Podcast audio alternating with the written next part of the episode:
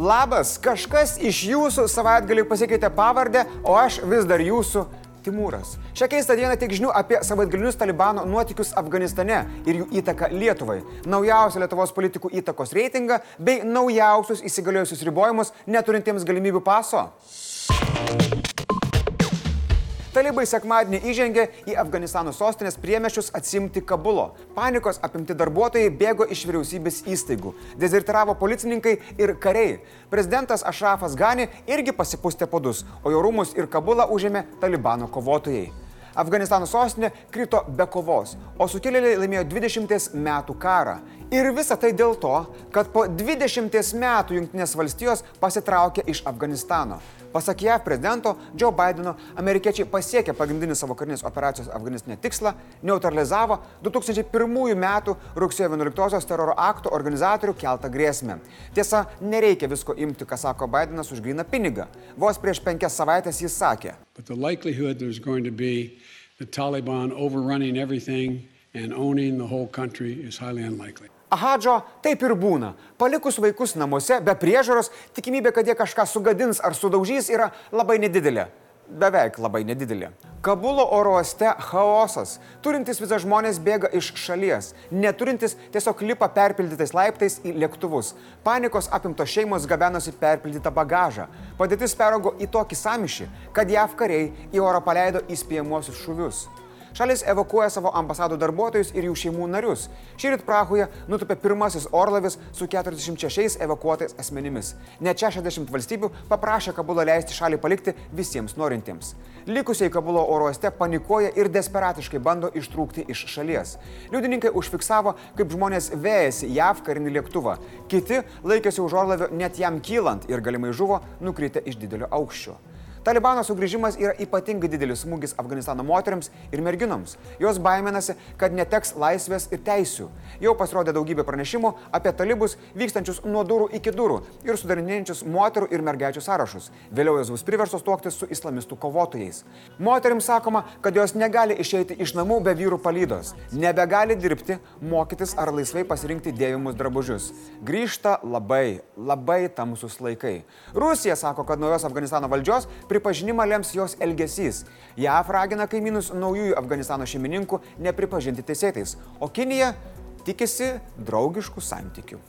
O dabar loginis uždavinys jums. Prie 20 metų pridėkite 2 trilijonus dolerių. Kas gaunasi? Mm, atsakymas. One, two, three. One,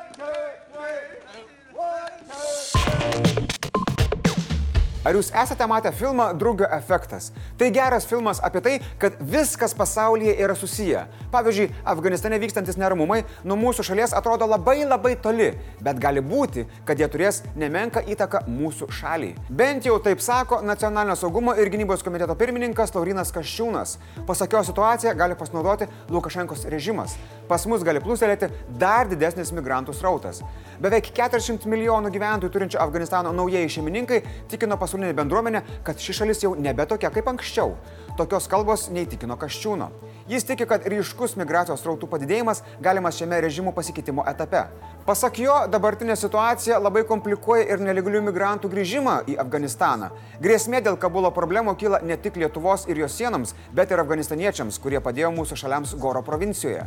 Talibanas labai nepalankiai žiūri į tokius vietos talkintojus, pavyzdžiui, teikusius vertimo paslaugas. Nors Lietuva nesnei pranešė, kad Afganistane mūsų kariams dirbę vertėjai sulauks prieglapščio, tačiau iki šiol ne vienas pagalbininkų nėra atvežtas į Lietuvą, o procesai gali užtrukti net iki pusės metų. Politologas Davidas Šlekys sako, kad tie žmonės rizikuoja būti nužudyti. Krašto apsaugos viceministras Margeris Abukevičius turėjo dar prastesnių žinių. Niekas nesitikėjo tokios taigaus talibano sugrįžimo. Todėl... Situacija blogėjo, bet, bet šiandien mes, mes matome, kad, kad galimybių juos atsigabenti e, lėktuvu vis, vis, vis mažėja. Su Lietuvos kariuomenė Afganistane dirbo 115 vertėjų. Apie 30 vertėjų yra atsiuntę Lietuvai savo ir šeimos narių dokumentus. Galimybės prisiglausti Lietuvoje laukia apie 100 asmenų. Kaip Jūs vertinate šią situaciją? Gerai, kad amerikiečiai po 20 metų iškeliavo, ar dar reikėjo pasilikti? Komentaruose parašykite. Portalas Delfi paskelbė įtakingiausių Lietuvos politinių veikėjų sąrašą. Ekspertai ir visuomenė išreiškė nuomonę, kas yra svarbiausias sprendimų prieimėjas. Ekspertai, kaip ir pernai, įtakingiausių politikų šalyje laiko premjero poziciją užimantį žmogų. Pernai Saulis Kvernelis, šiemet Ingrida. Iškart už jos Gitanas Nausėda, kuris pernai buvo trečias. Į trečią vietą ekspertai pastatė Seimo pirmininkę Viktoriją Čmilytę Nilsen. Pernai ji buvo tik 16. Tai yra skujytės vertas šuolis. Sveikinam Viktoriją. Toliau vietas užima populiariausias Lietuvos senelis ir jo anūkas - Vytautas ir Gabrielius Landsbergiai. Už jų pagal ekspertus Valdas Adamkus ir Dalė Grybauskaitė. Adamkus nuo pernai nukrito tik vieną vietą žemiau, o štai eksprezidentė į septintąją vietą nukrito iš penktos. Tikiuosi neužsigavo.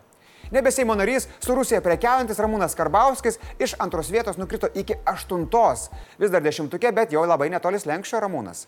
Devintoje vietoje atsidūrė tik tokerė, ekonomikos ir inovacijų ministrė Aušinė Armonaitė. Dešimtuką uždaro Saulis Skvernelis. Pagal visuomenės nuomonę žmonės dešimtukė irgi yra tie patys, tik jų vietos skirtingos. Grigio šeimininkui skirta įtakingiausio politiko šalyje vieta. Antroji vieta atiteko Perlos šeimininkiai. Aukščiau įvertino ir Adamkaus įtaką, skirdami jam trečią poziciją.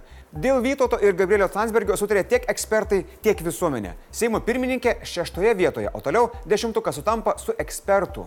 Visuomenės apklausą atlikusio žurnalo reitingai vyriausiasis redaktorius Gintaras Sarafinas sakė, kad jo pokyčiai reitinguose nenustebino.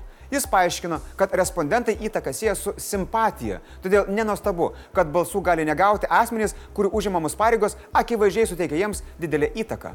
Pasak jo, akivaizdus tam tikras žmonių susisloksnevimas. Pavyzdžiui, didžiųjų miestų atstovai daugiausiai balsavo už dabartinės valdžios atstovus, o regionų žmonės, įskaitant ir vietinį elitą, dažniausiai balsuoja už kitus. Visuomenės apklausą atlikusių Spinter tyrimų vadovas, sociologas Ignas Zokas, dešimtukė pasigėdo ministrų. Jų be ministrės pirmininkės top 10 yra tik tai du. Prezidentas ir vyriausybės vadovė rezultatų nekomentavo, o Seimo pirmininkė padėkojo žmonėms už įvertinimą. Įsivaizduot, koks vingiuotas ir įvairus yra Seimo pirmininkės gyvenimas. Vieną dieną padėką gauna akmenimis ir kartuvėmis, kitą aukštą vietą reitingė. Ar pastebėjote, šiandien atsibūdote kiek kitoje aplinkoje? Galimybių pasą turintiems žmonėms kaukio dėvėjimas tampa rekomendacinis, neturintiems kaukę privaloma kaip ir prieš tai. O jei jūsų lankoma vieta netaiko reikalavimo turėti galimybių pasą, joje dėvėti kaukės reikės visiems. Jau nuo šiandien galimybių paso jūsų gali paprašyti bet kurioje kavinėje ar įstaigoje. Vyriausybės sprendimu jau nuo rugsėjo 13 dienos dauguma paslaugų galės būti teikiamos tik galimybių pasą turintiems žmonėms. Nuo šiandien viešojo maitinimo įstaigų viduje veiklą vykdant be galimybių paso prie staliko gali sėdėti nedaugiau kaip du asmenys arba vienos šeimos nariai, o laukia nedaugiau kaip penki asmenys arba vienos šeimos nariai. Jei nevalgot, dedate skaukę. Su galimybių pasu asmenų prie staliuko skaičius neribojamas, kaip ir maitinimasis savitarnos principų, o dviejų metrų atstumas ir kaukių dėvėjimas lieka rekomendacija. Prekybos bei paslaugų vietose be galimybių paso kaukės reikės, su galimybių pasu rekomenduojama. Renginiai be galimybių paso uždarose erdvėse vyks tik su kaukėmis. Žiūrovai stebės renginį iš sėdimų vietų, o salė gali būti užpildyta nedaugiau kaip 75 procentais. Su galimybių pasu žmonių kiek nori, o jei jų mažiau nei pusė tūkstančio, tai dar ir valgyti prie staliukų bus galima. Kaip skelbė NVSC, iki šiandienos pietų 136 įmonės deklaravo, kad veiks tik su galimybių pasu. Dauguma maitinimo įstaigos Vilniuje. Už lankytojų patikrą atsakomybė tenka pačioms įmonėms. Tačiau už reikalavimų nevykdymą grėsia baudos nuo 1500 iki 6000 eurų. Galimybių pasui tiks tik PGR testai ir jie jau mokami. Išimtis taikomos neščiosioms ir negalintiems skiepytis dėl medicininių priežasčių. Dėl didelio užimtumo kai kurių miestų mobiliuosiuose punktuose susidarė eilės, o vakarų Lietuvoje PGR tyrimo gali tekti laukti net savaitę. Pagal naujausią operacijų vadovo Arūno Dulkio sprendimą įstaigos gali tikrinti ne tik galimybių pasus, bet ir vietoje jų kitus dokumentus. Šiaip aš vis dar laukiu, kada bus galima nelaužant ritualo į kino teatrą nueiti ir ten skanauti spragėsių ir nesvarbu, kokį pasą atsineši. Blitz naujienos. Haityje įvykęs 7,2 balo žemės drebėjimas pareikalavo beveik 1300 žmonių gyvybių. Nukentėjusiose miestuose pietvakarinėme pusėsalyje dauguma gyventojų naktį leido laukia priešai savo namus, baiminamėsi naujų pakartotinių požeminių smūgių. Praėjusią savaitę iš Veribėjų mokyklos pasišalino 32 migrantai. Pasak policijos iš pabėgusiųjų sulaikyti 22. Dalis buvo sulaikyti užsieniečių vairuojamuose transporto priemonėse, dalis mėgino palikti Lietuvą. Bet tai kodėl? Dabar gražiausias metų laikas. Žiūrovai negalės tiesiogiai stebėti ir tokio paralimpinių žaidinių rungčių dėl koronaviruso protrukio. Japonija kovoja su rekordiniais protrukiais keliose šalies dalyse. Draugai, šiandien laidos komentaruose laukiu jūsų nuomonės. Ar ne per anksti amerikiečiai paliko Afganistaną? Parašykit komentarą, labai įdomu. Ir šiandien, priminu, yra pirmadienis ir jis yra sunkus visiems. Šiandien tiek žinių, iki rytojaus.